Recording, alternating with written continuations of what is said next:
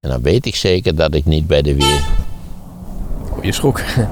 Ik schrik me een ongeluk zeg. Wat is er nou weer voor een idioot? Nou ja, weer een karretje. Hè? Hebben we daar sinds 69 staat er al een karretje. En dan moesten de, en de India's ook alsof ze het buskruid hadden uitgevonden. Wat een flauwekul. Maar leuk toch voor zo'n land, hè, die Nee. toch een beetje nog opkomend zijn. Zonder van de geld Maar van wel, het land. Een succesje wat ze kunnen vieren daar. Ja, wij, wij sturen toch ook geen karretje naar de baan? Misschien met Rutte erin. Het verlossen, kunt u mij horen? Je had ook een onderwerp voor vandaag. Ik had een onderwerp en ik dacht bij mezelf... eh, we moeten maar weer eens iets eh, aan de kunst doen. Dus Ja. dat ga ik ook doen. Daar kwamen ook veel vragen nog over van eh, luisteraars. Er zijn ook mensen die zeggen, ja, die schilderij dat is niet geschikt voor Ja, een podcast. Maar ook veel, ook veel fans. Ja, dus ja, je weet, je weet, je kunt het nooit mensen naar de... Democratisch kunnen we het ze nooit naar de zin maken. dat Daar klopt. komt het op neer. Ik wou volgende keer... Ja, ik was eigenlijk herinnerd geraakt aan het boek van Paul Kennedy... The Rise and Fall of the Great Powers. Dat heeft in de tijd, in de late jaren tachtig is dat verschenen. Het was een soort van geopolitieke chroniek van 500 jaar eh, wereldgeschiedenis. En op basis daarvan had hij ook een aantal voorspellingen gedaan. En het interessante is, die klopten grotendeels helemaal niet. Al op relatief korte termijn niet. Dus ik wou eigenlijk eerst aandacht besteden aan dat boek. Kort hoor, ik ga dat niet helemaal uit de doeken doen. en daarna mij afvragen, waarom zijn nou die voorspellingen niet? Waarom klopte die nou niet? En, en je begrijpt dan waar dat heen gaat. Eh, Het gaat altijd anders dan je denkt. Hè? Wie had er nou gerekend op die opzicht? Hè? Niet de VVD, hè? met een cynische plannetje. We knallen het kabinet uit elkaar op basis van immigratie. Daar kunnen we verder eigenlijk helemaal niet zo verschrikkelijk veel aan doen, maar dat gaan we toch lekker doen.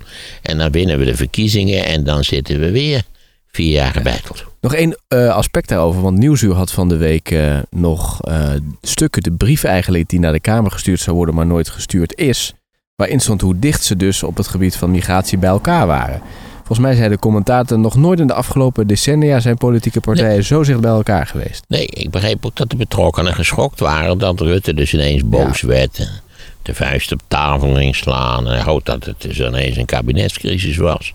Zo had ik althans ook de woorden van Hugo de Jonge geïnterpreteerd dat hij nogal verbaasd was. Die lag met zijn hoofd op tafel volgens mij. Of was dat het, het eh, ineens escaleerde naar, een- naar een, een, een, een breuk in het kabinet. ja. Nou, er waren luisteraars die zeiden, kijk, dit is wat Maarten dus bedoelde met moord met voortbedachte raden. Ja, zeker. Fijn dat ik ook nog eens te horen krijg dat ik in enkele maal ook gelijk heb gehad. In mijn interpretatie in dit geval. Ik heb niks voorspeld natuurlijk, het was een interpretatie. Ja, en dus ik, doe, ik wil Paul Kennedy doen, Rise and Fall of the Great Powers. En daarbij ook om me afvragen, kun je überhaupt geopolitiek wel iets voorspellen? Hoe zinvol is dat eigenlijk?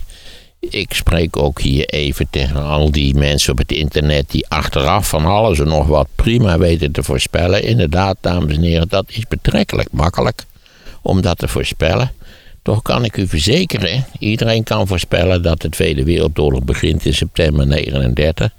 Voor de aardigheid heb ik nog eens een artikel gelezen van een heel geleerd iemand. Die ik meen op 31 augustus 39, kan ook 1 september zijn geweest, ik weet het niet precies. Een enorm leuk artikelschrijver en die uitlegt dat Duitsland natuurlijk niet aan een oorlog gaat beginnen. Want dat zal heel makkelijk een oorlog worden en die kun je beter niet voeren.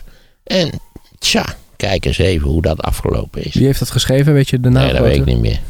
Ik las het overigens in, in Keesings historisch archief, merkwaardig genoeg. Ehm, dus ik wou aan die Kennedy aandacht besteden. En dan daarna wil ik, dat werd mij geadviseerd, of zei, ik kende het boek niet. Wil ik een boek van Kennedy bespreken waarin hij een aantal keerpunten in de Tweede Wereldoorlog behandelt.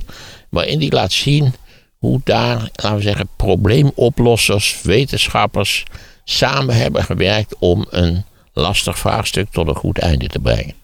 Hoe maken we een eind aan de Duitse duikbootbedreiging? Eh, wat, wat staat ons te doen eh, om die enorme effectiviteit van de Weermacht te bestrijden? Nou, Dat. En, daar komen nou heel interessante dingen komen daar uit tevoorschijn. Nou weet ik natuurlijk op dit moment de titel niet, maar je kunt dat even zo opzoeken. U Paul Kennedy in op Amazon, sorry voor de moreel bewogenen op een iets andere zoeksite. Dat kan mij niet schelen. En dan ziet hij vanzelf wel wat. Ja, ik, ik, als je tegenwoordig zet, ik, ik bestel mijn boeken bij Amazon. Nou, dan eh, ben je eigenlijk al eh, ben je eigenlijk een halve fascist. Daar komt het wel zo'n beetje op neer. Ja, um, maar ik mag ik natuurlijk ook niet zeggen. Ik mag reclame maken. Nee, mag, volgens mij mag je alles zeggen wat je wil. Ik ken geen uh, regels rondom nou, Vooral als de loop daaruit is. Bij, u leest graag Engelstalige detectives en thrillers. Als de loop daaruit is, dan betaalt u op Amazon een dollar of 4, 5. En ik begreep op Bol.com voor precies dezelfde boeken aanzienlijk meer. Ik heb het dan wel over de digitale versies van die boeken. Die je niet, kun je niet in bladeren? Nee, die kun je niet in bladeren. Nee. moet je gewoon op je computer of op je, op je tablet of op je laptop lezen. Ja. ja.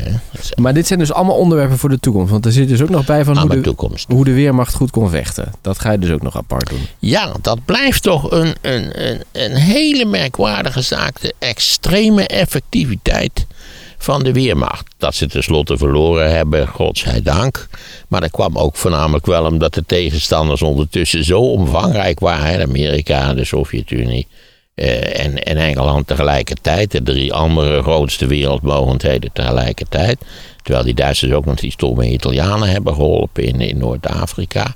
Het, het en ook omdat het een beetje een, een lullig onderwerp is om te zeggen dat die Duitsers zo klote goed konden vechten. Maar ook als je het statistisch bekijkt, dan, dan is dat gewoon zo. En goed, eigenlijk legt Kennedy uit hoe stap voor stap voor stap, met name de Russen geleerd hebben, hoe je die Duitse effectiviteit, hoe je die kon stoppen. En dat is toch wel interessant. Maar dan nog, één op één winnen de Duitsers altijd. Eén op één. Ja, stuk vijf op één woord of tien op één, ja, dan, dan natuurlijk niet. En mij had dat gefrappeerd omdat ik over die Market Garden uh, zaak heb geschreven. En als je dan toch ziet het, het, het gepruts van die Engelsen daar, daar, daar in Arnhem, in de buurt van Arnhem. En de fabuleuze tempo waarin die Duitsers begrijpen wat er aan de hand is en wat er tegen gedaan moet worden. En in feite blokkeren ze de Engelsen op de eerste dag al is dat klaar. Dan zie je al dat, dat het mislukt is. Maar hoe verklaar je dat? Wat is het verschil tussen die twee troepen? Ja, dat is ook een kwestie van cultuur die in zo'n apparaat heerst. Eh, de Engelse parachutisten waren grotendeels hele jonge jongens zonder enige gevechtservaring. Ja, eh, de Duitsers die hadden overigens, die recruteerden Jan en allemaal ook die op kantoren zaten en die moesten, die werden ook ingezet. Eh, er waren daar natuurlijk de restanten van twee SS-divisies. Dus er waren, was personeel met enorme gevechtservaring. Maar je staat er toe van te kijken, met name. En dat is ook een aspect van de Weermacht. Tempo, tempo, tempo. Dat, dat is wel heel indrukwekkend, toch? Maar dit is dus allemaal voor de volgende keer. Nu doe je dus. Ja, dit is allemaal voor de volgende. Als ik het niet overleef, dan moet je iemand anders inhuren. die nog een heel programma kan afwerken, zal ik maar zeggen. Je weet dat ik de vorige keer in Eervoet over een stoeptegel ben gestruikeld. Ja, ja, ja. Zwaar beschadigd ben geraakt. Ik heb nog één hele dag zo'n beetje op mijn hotelkamer zitten dutten. Om, om, om over de slag heen te komen. Vandaag dus kunst vandaag kunst, zo is het. En eh, ik, volgens mij zijn er veel mensen die op hun telefoon luisteren. Of misschien wel op hun laptop luisteren. Of op hun, uh, hoe heet dat ding? Uh, iPad. Een, iPad luisteren. En dan moet u eerst even intypen voordat ik doorga. Zaanredam. Ik zal het even voor u spellen. S-A-E-N. Zaan. R-E-D-A-M. Zaanredam. Eventueel typt u in Pieter Zaanredam slash en dan Mariaplaats. M-A-R-I-A plaats. Dan zult u een schitterend schilderij te zien krijgen. En over dat schilderij gaat het vandaag. Een schilderij van Pieter Zagerdam. Maar eerst even, wie is Pieter Zagerdam? Dat was een Nederlandse schilder. Het was een klein mannetje met een bochel. Het was dus eigenlijk, nou ja, overigens, uh, hij was in geen enkel opzicht zielig, maar, maar dat was wel een afwijkend exemplaar. Laat het me even zo zeggen. Hij leefde ook een betrekkelijk teruggetrokken leven. Maar hij was een buitengewoon succesvol en voortreffelijk betaald schilder. Zaanderdam is geboren in 1597 en is overleden in 1665, als ik het wel heb. Dus eigenlijk voor die tijd heeft hij een vrij redelijke levensduur eh, erop gezet, om het zo maar te zeggen. En Zaandam was gespecialiseerd in architectuur schilderen. Eh, waarbij ook weer het hoofdonderwerp van zijn architectuur schilderbedrijf, dat waren kerken. Kerken zowel qua eh, interieur als zowel als exterieur. Kijken we even naar het schilderij wat u ondertussen hebt gevonden op uw iPad, hoop ik. Dat moet haast wel, want ik kon het ook met een paar toetsen kon ik het eh, vinden. Ik heb het natuurlijk vaak in werkelijkheid gezien en op zichzelf is het vaak zo, zeker bij prachtige schilderijen, dat u ze toch, als het even kan, in werkelijkheid moet zien. Het hangt nu, hè, het Boymanse wordt uh, verbouwd. Dat zal waarschijnlijk, denken ze, duren tot 2135. Dus dat kan nog wel een, ruim een eeuw duren. Maar die hebben daarvoor een depot voor het gebouw gezet. En ik heb begrepen dat het schilderij daar zichtbaar is. Uh, het interessante bij Zaanderdam, ik zal zo iets verder zeggen over dat schilderij en waarom ik het zo mooi vind, maar misschien kan ik al meteen constateren. Eh, twee van de allermooiste schilderijen die in de 17e eeuw zijn gemaakt zijn stadsgezichten. En dat is natuurlijk het fameuze gezicht op Delft van Vermeer. Met de twee poorten, Schiedamse poort en, god wat is de, en de Rotterdamse poort volgens mij. En dat is dit schilderij van Zaangedam, de Mariaplaats. Want als u naar dat schilderij kijkt, en misschien ziet u het eigenlijk al ook als het een plaatje is, het, het, het straalt iets, iets rustigs uit, iets beschouwends. Het is alsof de tijd even stilgezet is, of we even de eeuwigheid inkijken, of als u dat wil. Het, het, is, een, het is een hele, hele rustige zondagochtend met prachtig licht herfstlicht. U ziet op het schilderij aan de rechterkant ziet u de Mariakerk. Dat was een grote Romaanse kerk in Utrecht, die er niet meer is overigens. U ziet links ziet u de buurkerk, die er nog wel is, dat is tegenwoordig een museum. En u ziet in het midden de Domtoren. Zoals iedereen weet, de mooiste kerktoren van Nederland. Wat mij betreft ook de mooiste kerktoren van West-Europa. Ja, Wordt ook gerenoveerd nu, hè? Ja, en, en, en de geruchten gaan dat die op tijd, ruim op tijd klaar zal zijn. Je begrijpt, ik was al hartstikke ongerust dat ik dood zou gaan voordat die klaar was. Ja, ik heb natuurlijk langzamerhand met dat gerenoveren in Nederland. Het duurt allemaal zo verdomd lang dat je elke keer denkt van ja, straks ben ik dood in een Rijksmuseum. Hoe lang heeft dat niet geduurd? Hè? Nou neem dat Boymans goed. Ze hebben dan een depot erbij gebouwd, maar kan nog wel 200 jaar duren voordat het klaar is. Het is, eh, nou, daar maak je dan toch wel zorgen over natuurlijk. Uh, ja, de Domtoren. Uh, dus kijk even naar dat schilderij en naar die, die, wonderlijke, die wonderlijke rust die het in feite uitstraalt. Het interessante is, Zanderdam heeft een paar maanden in Utrecht doorgebracht, al in 1638. En toen heeft hij ook een vrij precieze tekening gemaakt van wat op dit schilderij staat. Maar hij heeft het schilderij pas gemaakt in 1663. In feite is het een heel laat werk, een laat meesterwerk. Ja, ik wou al, al zeggen, dat had ik van tevoren bedacht, één, dat deze twee nu genoemde schilderijen tot de vijf mooiste stadsgezichten van de 17e eeuw horen.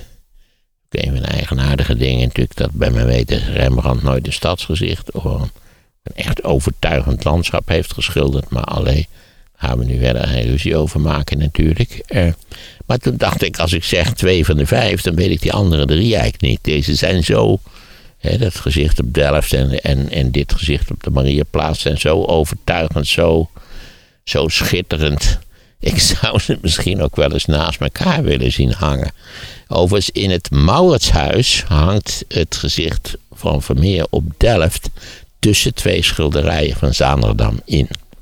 Wel nu, Zaanderdam. Zaanderdam heeft een klein oeuvre geschilderd en dat zal blijken uit zijn werkwijze waarom het zo'n klein oeuvre is.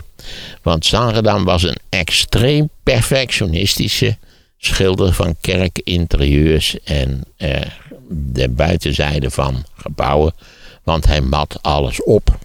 Dus in kerken mat hij hoeveel tegels er lagen en hoe breed en hoe lang die waren. En hoe dik de pilaren waren en hoe ver ze van elkaar afstonden. En daar maakte, vervolgens maakte hij een architectonisch en dus perspectiefs verantwoorde tekening van het interieur van die kerk. En pas dan maakte hij er een schilderij van. Zaanderdam kon fantastisch tekenen. Ik ben ook wel weer geneigd om generaliserend te zeggen. Als je niet kunt tekenen, dan wordt het schilderen vaak ook niet veel zaaks, eerlijk gezegd.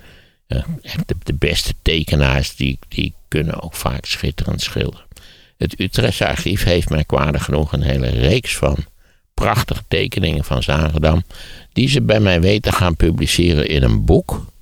Althans, daar heb ik een kleine bijdrage aan gegeven. Eh, dus daar kunt u eventueel op letten. Want die bevonden zich in het archief en waren eigenlijk niet toegankelijk. Goed, hij maakte dus een tekening en dan pas werd het schilderij. Dus al met al heeft hij zo'n 50 schilderijen nagelaten. Die eigenlijk allemaal, eh, vrijwel allemaal van uitzonderlijke kwaliteit zijn. Terwijl je natuurlijk denkt, als je, als je ziet hoe precies die werkte, denkt je, ja, dat een beetje een kille, beschouwende manier. Maar het gekke is, bijna al zijn schilderijen hebben, een, hebben die geheimzinnige charme. Misschien niet zo sterk als het gezicht op de Mariaplaats, maar het zijn aantrekkelijke schilderijen door de toon van het schilderij, door de kleurkeuze van het schilderij. Het, het, het zijn geweldige schilderijen eigenlijk. Je zou het, hij was goed bevriend met Jacob van Kampen, de eh, ontwerper van het Paleis op de Dam. Sorry, het Amsterdamse stadhuis op de Dam. Overigens kreeg Van Kampen ruzie met de gemeente en is vertrokken voordat, hij, voordat het feitelijk klaar was. Is door iemand anders is het uh, tenslotte afgemaakt. Van Kampen was, ik kende uh, omdat ze dezelfde schoolmeester hadden. Uh, hoe heet het, schilderschoolmeester hadden gehad. En Van Kampen was, afgezien van het feit dat hij een, een verdienstelijk architect was, ook de ontwerper van het Mauritshuis trouwens, eh, was Van Kampen ook een vrij bekwame schilder. Maar als je nou Van Kampens werk ziet, dan zie je toch dat hij prima kon schilderen, maar dat het, het, is, het is, heeft iets modieus. Het, is, het mist, ja, dat is natuurlijk een beetje vaag gepraat mijnerzijds, het mist de ziel van die kerkdingen van, van uh, Sarendam. Terwijl je denkt, dat wat, hoe kan het nou dat iemand die zo precies werkt, architectonisch zo verantwoord uh, aan de slag is, zulke gevoelvolle schilderijen maakt. Die, die, die, die je leven lang eigenlijk niet meer vergeet. Juist door de stemming die ze op, op enige geheimzinnige wijze weten uit te stralen. Van Kamp heeft overigens een geweldige tekening gemaakt van, uh, van Zaredam. Uh, waar hij ook een beetje bozig kijkt, alsof zijn lot als klein gebocheld mannetje hem toch wel een beetje dwars zat. De meeste schilderijen heeft Zaredam gemaakt van de Sint-Bavo in Haarlem. Dat brengt mij er nog weer eens toe dat mocht u toevallig in Haarlem zijn, bezoek de Sint-Bavo. Een fantastische kerk in allerlei opzichten. En ik hoop vooral voor u dat als u daar zit, en, en die keren dat ik er heb gezeten, ik zal niet zeggen dat ik helemaal alleen was, maar veel mensen waren er eigenlijk niet. En dan moet je hopen dat de organist op dat fantastische orgel in de Sint-Bavo speelt. Dat, dat, is, dat is echt ronduit overweldigend. Ik kan het niet anders zeggen. Maar ook het interieur is geweldig. En dat is iets, kerkinterieurs hebben toch iets. En, en ze klinken ook anders stukken. En dat ligt aan de, aan de enorme hoogte die ze natuurlijk vaak hebben. Dan, dan eh, zeg maar normale gebouwen. En iets van die wonderlijke sfeer in kerken, dat brengt Zaredam op voortreffelijke wijze over. Zaredam was geboren in Assen-Delft. Dat is een klein plaatsje in Noord-Holland. En hij heeft ook een meesterlijk schilderijtje gemaakt van de kerk in Assen-Delft. Waar je de dominee op de kansel ziet staan. Waar hij heel lollig de, laten we zeggen, de grafsteen van zijn vader ook voor in het schilderij geschilderd heeft. Maar het is ook weer zo'n schilderijtje met een, met een enorm overtuigende sfeer. Je denkt ook bij jezelf, erg veel mensen zaten daar ook niet voor die dominee in die kerk in Assen-Delft. Ik eh, denk dat het eh, in het Rijksmuseum hangt, eerlijk gezegd. Dit schilderij, want nou, dat heb ik al duidelijk gemaakt, de Mariaplaats, is in de late 19e eeuw gekocht door uh, Broijmans van Beuningen en bevindt zich daar ook nog steeds. Even kijken, heb ik nu bijna alles gehad? Nee, ik moet natuurlijk iets uitleggen over wat er op dat schilderij staat. Want die Mariakerk, die ondertussen verdwenen is, daar kun je op het schilderij al zien, die verkeert in een lichtelijk ruïneuze toestand. Want links op de Mariakerk zie je al dat er een struikje groeit. En dan weet je dat het onderhoud van de kerk te wensen overlaat. Het is ook duidelijk dat de linkertoren van de Mariakerk al verdwenen is. De rechtertoren staat er nog, maar ook de rechtertoren is al in de 17e eeuw afgebroken.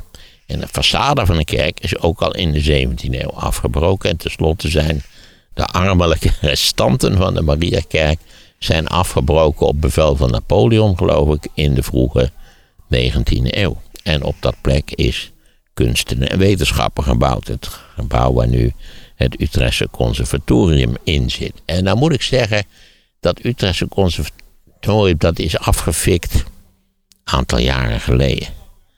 En toen hoopte ik zo dat ze de Mariakerk zouden herbouwen op die plek. Maar niemand is op die lumineuze gedachte gekomen. Overigens is de, de hoe, heet het, eh, hoe heet dat ook alweer, de, de kloosterhang van de kerk, die bestaat nog. Maar daar is wel zo ontzettend veel aan gerenoveerd en gepiemeld. Dat, ben daar wel eens, natuurlijk wel eens gaan kijken, maar dat, dat, daar, word je echt, daar word je echt niet vrolijk van. Die Mariakerk was een zonderlinge kerk. Want ik begreep dat die ook architectonisch niet erg past in het gangbare patroon. Eh, ze zijn daaraan gaan bouwen, zijn daarmee begonnen in de late 11e eeuw. Zeg maar 1185 of zo. Het zal wel even geduurd hebben voordat hij klaar was. Maar zoals ik al duidelijk maakte, hij bevond zich in de 17e eeuw eigenlijk al in ruïneuze toestand. Uh, heeft ook uitgebreid het interieur van de kerk geschilderd. Dus ja, ik, ja, om nou, nou nog een keer kunst en wetenschappen af te laten vinken om het alsnog te herbouwen, dat zit er niet in. Maar dus je kunt aan de gevel, dat kun je heel goed zien op het schilderij van Zarendam, eigenlijk wel zien dat het niet een typisch Nederlandse kerk was uit uit de middeleeuwen, uit deze specifieke periode. Het doet meer denken aan een Italiaanse kerk uit de vergelijkbare periode dan aan een Nederlandse kerk. Wat kunnen we verder dan nog van zeggen? Dat, nou ja, je ziet de Domtoren erop staan. Die stond er natuurlijk ook al. Als het schilderij gemaakt werd, ook al eens een beetje 500 jaar of zo, zoiets dergelijks. Eh, was in zijn tijd. Ik ben nog een belangrijk schilderij van Zanerdam vergeten. Dat hangt in de eregalerij van het Rijksmuseum u weet die eregalerij waar je ook, geloof ik, als je genoeg betaalt of als je van koninklijke huizen bent, kunt dineren. Mag ik nog eens zeggen hoe weerzinwekkend ik dat vind. Hou daarmee op. Wat een flauwe kul. Dat je tussen die meesterwerken aan je klote biefstukje kunt beginnen. Ik vind dat echt niet kunnen. Hou op met dineren in de eregalerij. Goed. Wat, wat vind je dan niet aan kunnen? Ja, dat, daar ga je niet zitten eten. Je gaat naar die schilderijen zitten kijken. Dit is dan, hier, dit is dan, dat kost geld en dat is deftig om dan daar te zitten. Dus dat doen ze dan geloof ik en, en voor andere proleten kan je daar ook ongetwijfeld voor een enorm bedrag gaan zitten eten. Zoals je naar het schijnt voor 30.000 euro een zaal van het Louvre kunt huren. Heb ik me, heb ik maar laten vertellen. Ik vind dat niet passend. Ik vind een, een ik vind een museum moet een semi-sacrale sfeer hebben. Het moet er een beetje stil zijn. Gaat dan niet met de vorken en de messen. Zit allemaal aan op de borden. Kom op, dat, ik vind dat echt niet kunnen. Maar goed, kijk naar die schilderij. Kijk overigens nu u toch bezig bent. Want dat schilderij in de Eergalerij is het oude Amsterdamse stadhuis. Het Amsterdamse stadhuis is niet zo heel lang daarna afgefikt. En toen is dus het nieuwe stadhuis maar dat oude stadhuis is enorm charmant. Dat kan ik absoluut garanderen. Als u het niet kent, zoek het even op. Trouwens, als u op uw iPadje eh, Zangendam gevonden heeft, Pieter Zangendam, dan zult u zien, eh, dan ziet u ook de andere meest bekende schilderijen. Maar hij heeft ook in Utrecht vrijwel alle kerken gedaan, zowel exterieur als interieur. En het aardige eigenlijk van die, van die Mariakerk is dat Jan Weissenbroek, Dat is een 19e eeuwse schilder. Een fantastische schilder overigens. Kan ik ook u warm aanbevelen. Kijk even. Dat is toch het wonder van de moderne techniek. Dat u op zo'n iPadje meteen even kunt zien. Het is niet natuurlijk zoals ze aan de muur in een museum hangen. Dat is allemaal waar. Maar ook Jan Wijsenbroek is zeer de moeite waard. En die heeft een soort reconstructie van uh, de Mariakerk in Utrecht geschilderd op zijn hoogtepunt. Toen is de torens er nog stonden, de gevel intact was. En nog niet een struikje uit de, uit de, uit de dakgoot groeide. Overigens was ik in Rome bij dat Pantheon, hè, de voormalige Romeinse tempel. Die er al 1700 jaar staat. Dat ding met een gat in het dak. En dat uitzonderlijke dak van gegoten beton. Dat hebben we 1500 jaar lang niet meer gekund. En pas in de 19e eeuw konden we dat weer. De kwaliteit van het Romeinse beton was uitzonderlijk. Omdat ze vulkanische as als bindmiddel gebruikten. Wel nu, ik liep om het Pantheon heen en daar groeide ook weer een struikje uit de dakgoot. Dat je denkt, dan hebben die Italianen daar een uniek monument, namelijk een voormalige Romeinse tempel. Die, omdat het natuurlijk een kerk geworden is, de tijden overleefd heeft. En dan groeit er een struikje in de dakgoot. Hoe kan dat nou? Nou ja, ook dus bij, de, bij deze Romaanse kerk, die op dat schilderij van uh, staat. Maar kijk ook even naar het schilderij van Jan Wijsenbroek. Heeft u een idee hoe de kerk er ooit bij stond? De kerk was een onderdeel van het, het mythische kerkenkruis van Utrecht. Dat zijn, weet ik veel, stuk 1, 2, 3, stuk of 5 kerken. Allemaal deels uh, tezelfde tijd begonnen. Of dat ook bedoeld is, dat kerkenkruis, of dat het min of meer toevallig ontstaan is, dat blijft een beetje een onbeantwoorde vraag. Maar voordat u daarover gaat zitten piekeren, kijk vooral naar dat schilderij van Zagendam. Bent u toch in Rotterdam, ga even in dat depot kijken. Het schijnt heel aardig te zijn. En blijf enige tijd verwijlen in de blik op de eeuwigheid die dat schilderij van Zagendam u biedt. Een groot schilder. is het ook zo dat veel mensen, ik sprak van de week ook mensen die uh, waren helemaal fan van de museumjaarkaart. Want ze zeiden, dan kunnen we uh, ja, ik ben een oh. groot voorstander van een museumjaarkaart. Mis ik niet. We hebben dat drama hebben we beleefd. En ik moet zeggen, ze zijn op hun schreden teruggekeerd. Dus ik hoefde niet meer in te loggen met passwords en die andere flappe, flauwe poppenkast van dat internet. Dus ik kreeg hem gewoon keurig toegestuurd naar betaling. Ja, maar dat wilde ik zeggen, dat mensen dus, uh, dat is een tip eigenlijk, wil je dat nou allemaal zien en meerdere dingen kijken, dan is de museumjaarkaart wel een Fantastisch. Je kunt overal gratis naar binnen, behalve bij extra speciale tentoonstellingen, maar daar moet u sowieso niet heen gaan. Ja. U moet eigenlijk altijd musea bezoeken op het moment dat u denkt dat ze zo leeg mogelijk zijn. Ja. dat er niet 3000 mensen zoals bij die, bij die nachtwacht met, met, met de iPad staan te fotograferen. Ja. Wat zien we bij de Mariaplaats uh, nog van dit stukje geschiedenis? Ach, goed dat je het vraagt. Heel goed dat je het vraagt. Want als u nou uit de trein komt in Utrecht en u loopt via de Mariaplaats naar de binnenstad, dat is ook de kortste route naar de binnenstad. U gaat dan dus niet langs Tivoli en zo, maar u gaat, laten we zeggen, ietsje zuidelijker. En u bent halverwege de Mariaplaats, schandelijk dat ik het vergeten was. Dan springt de, de gevels van huizen springen iets uit. Dus de rooilijn, die wordt, het wijkt af. Eerst krijg je gebouw van Steenkolenhandelsvereniging. Althans, vroeger was dat zo. En dan springt de rooilijn iets naar voren. Waardoor er als het ware op de stoep een, een, soort muur is. Op die muur hangt zo'n tegeltableau. Wat de gemeente Utrecht tegenwoordig heeft. Voor dit soort van dingen. Van het schilderij van Zagendam van de Mariaplaats. En het is fantastisch goed gedaan. Dus ook voor mensen die toevallig voorbij komen, passanten, niet waar, die het druk hebben, blijf even staan voor de eeuwigheid. Kijk, mooi. Sowieso leuk om eh, Utrecht eh, in de binnenstad door te wandelen. Ik vind die tegeltableaus ook een fantastisch aspect. Ja. Nu ook al die muurschilderingen, hè? Ja. Want, wat ik even vergeet, ik woon hier in de, hoe heet het straat? Frans Halstraat. In de Frans Halstraat. Ja. Ja, keken we even naar de passanten. Eh, even achter mij is de Zangedamstraat.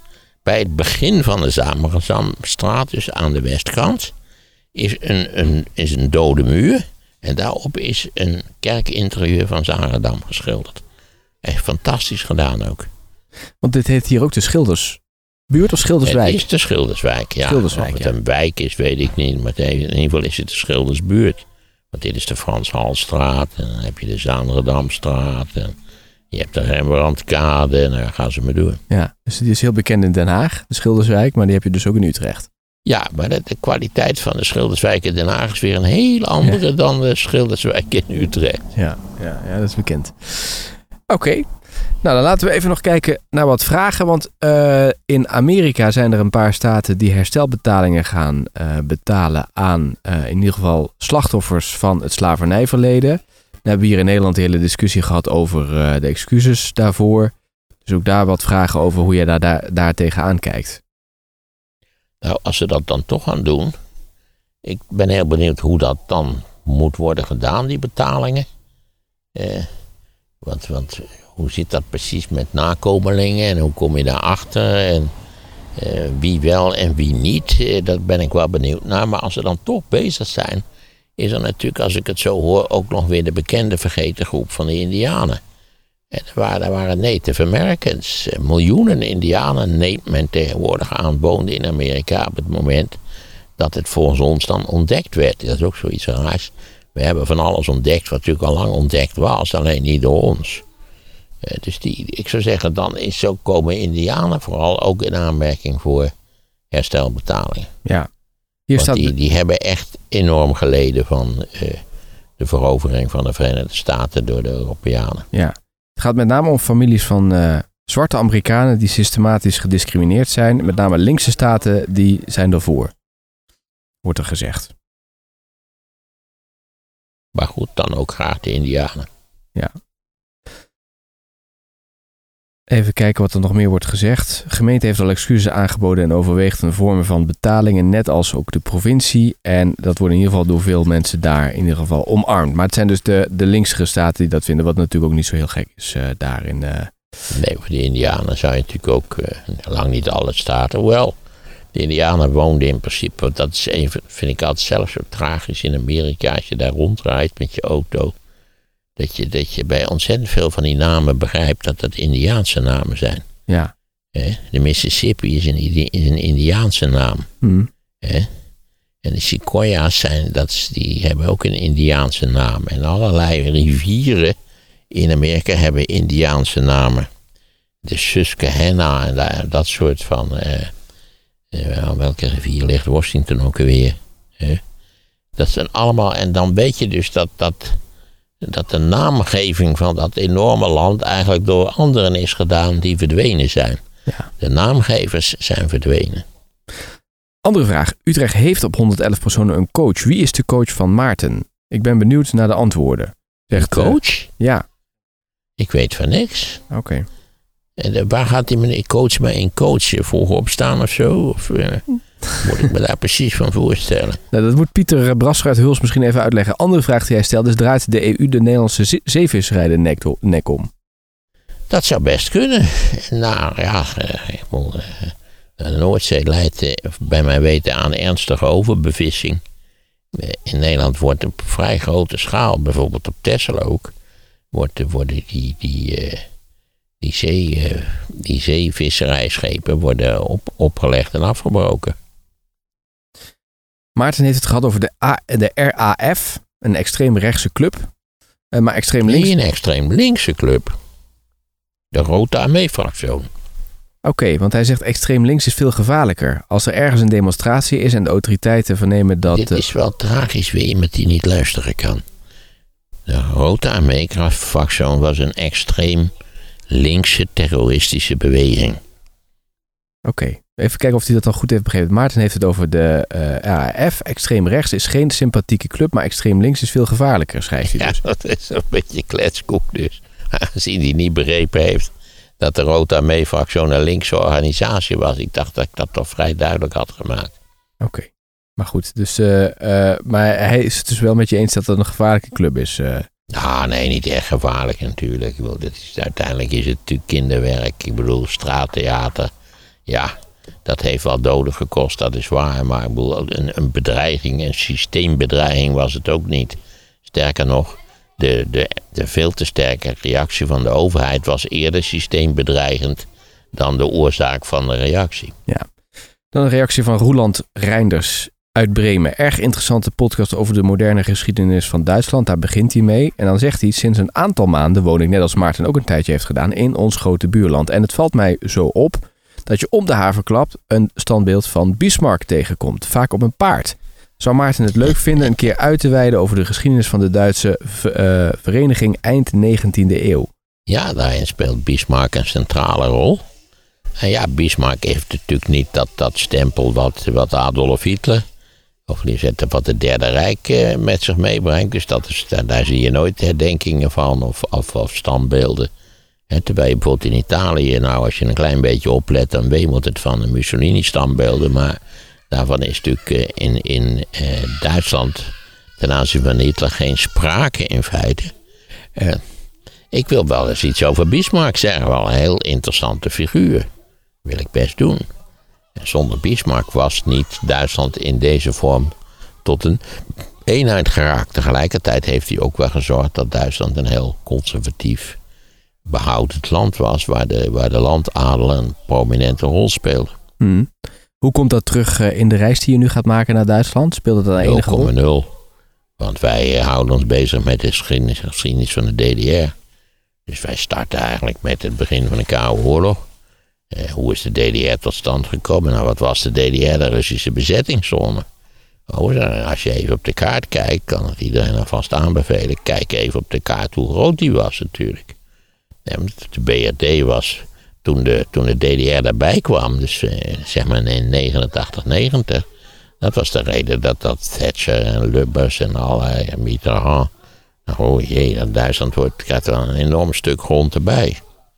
Terwijl ja, DDR nog steeds natuurlijk een beetje een patiënt.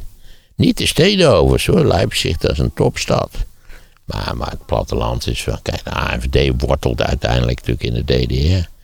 De AFD is eigenlijk de gruwelijke vloek die de DDR over de BRD heeft uitgesproken. Want die staat, de AFD staat nu geloof ik op 20% of zo. Martin, beste Martin, hartelijk dank voor alle podcasts. Ze zijn zeer leerzaam en vermakelijk. Bovendien spreekt u meer podcasts in dan God kan beluisteren.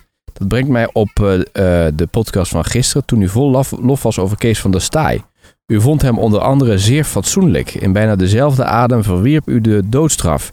Nu is de SGP een groot voorstander van de doodstraf. Hoe vindt u dat met elkaar te rijmen? Nou, je kunt een heel fatsoenlijk iemand zijn en toch een voorstander van de doodstraf. Dat kan. Ik ben geen voorstander van de doodstraf. Het is op zichzelf niet.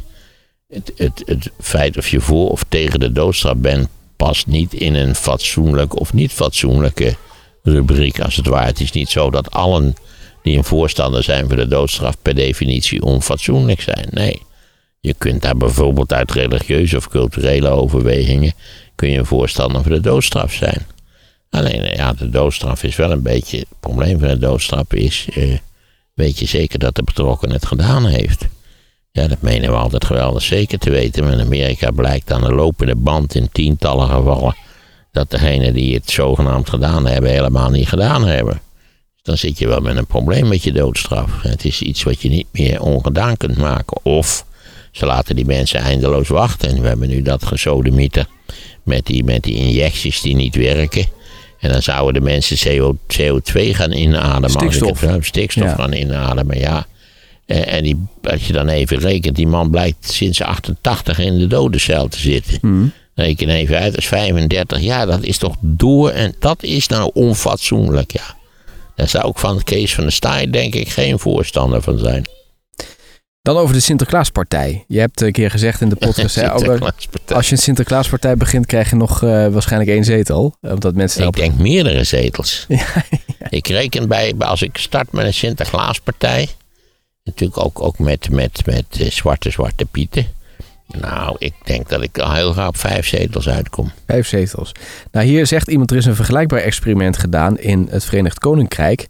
Uh, teleurgesteld door de lokale politiek uh, besloot vorig jaar iemand zijn Shetland pony Patrick ter verkiezing te stellen voor de burgemeesterspost. Die pony die werd inderdaad verkozen als burgemeester van het plaatsje Cockington in Engeland. Ja. Caligula heeft toch zijn paard tot consul gemaakt. Zo was het toch ook alweer. Hij was een Romeinse keizer.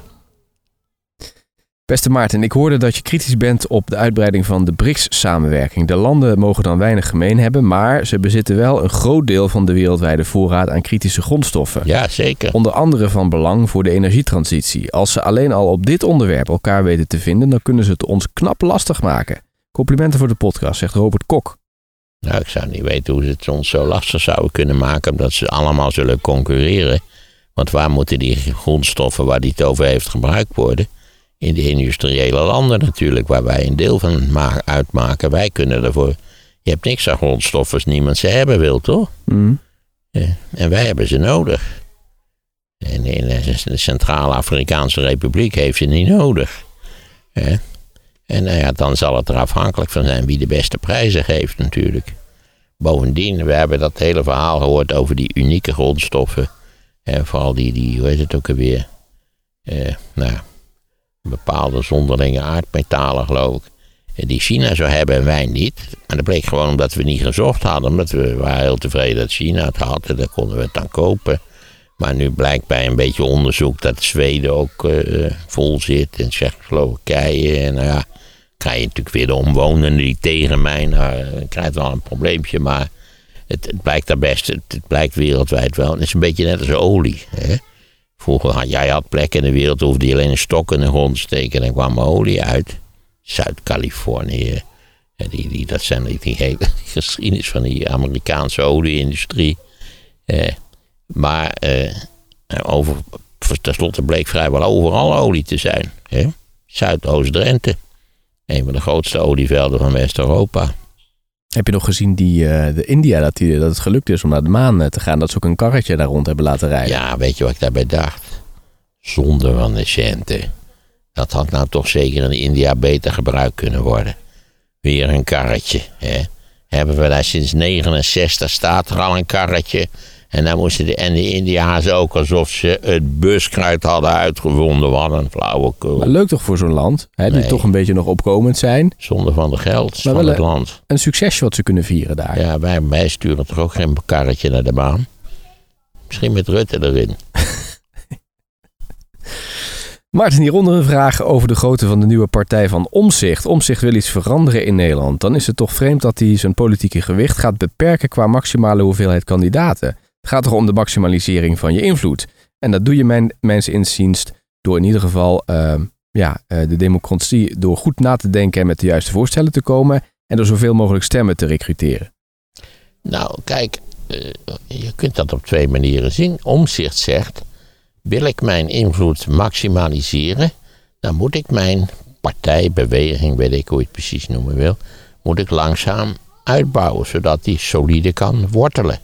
En niet weer zo'n eendagsvlieg wordt als we in de afgelopen jaren hebben gezien, niet waar? De LPF en, en eh, de PVV, die nog steeds over een vrij grote partij is, maar natuurlijk die in feite betekenisloos erbij zit. Ja, je ziet Geert zitten daar op die voorste bank. Altijd met hetzelfde boze en ontevreden gezicht in het zogenaamde nep-parlement.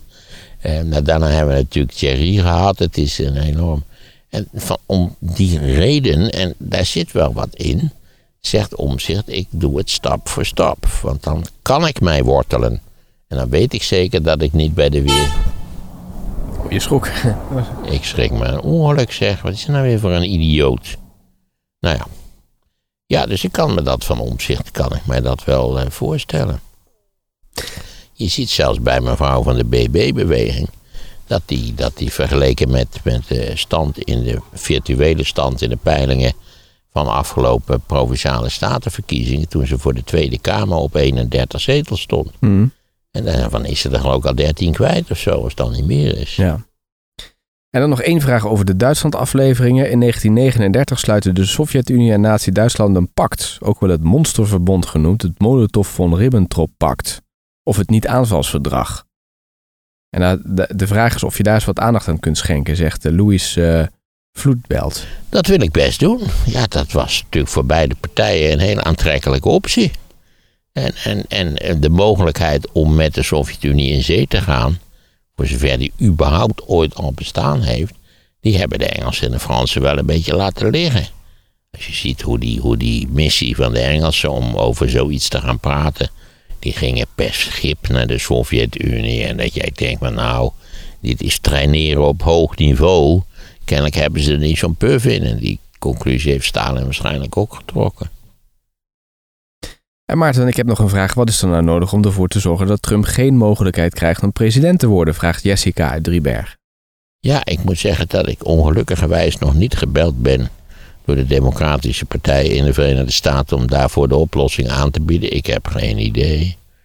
Ik bedoel, ja, je kunt het allemaal netjes uitrekenen, gesteld hij wordt de kandidaat.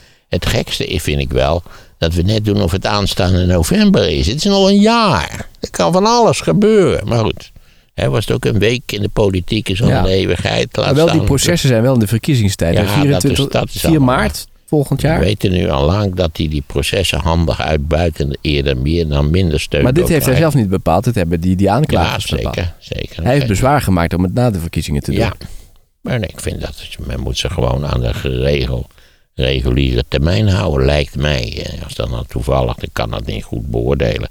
Op, dat moment is wat nu is aangekondigd, mij best verder. Het maakt namelijk toch niks uit. Eh, Wij hopen allemaal dat hij dan eindelijk in de gevangenis. Maar leuke, leuke scènetjes dat hij uit de gevangenis gaat besturen en zo. Dat is allemaal flauwekul naar mijn idee. Feitelijk is dat, dat de Democraten met, met een vrij ruime meerderheid moeten winnen om het electoraal college te passeren.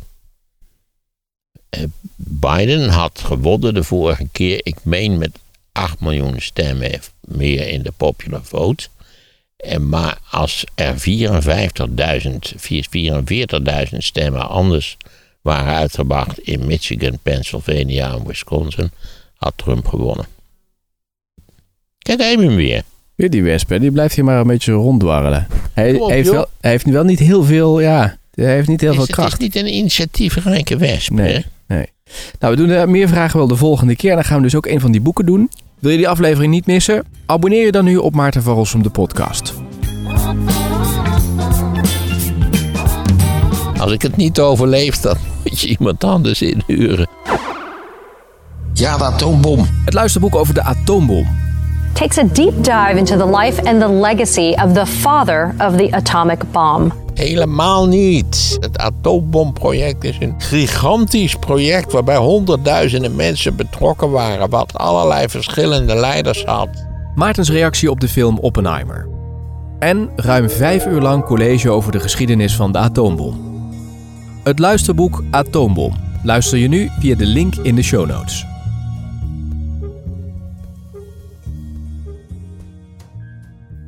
Na kunstmatige intelligentie komt de kwantumrevolutie. En dat heeft misschien nog wel meer impact op je leven dan AI. Je hoort er nu alles over in Sea Level. De podcast vind je via de link in de show notes.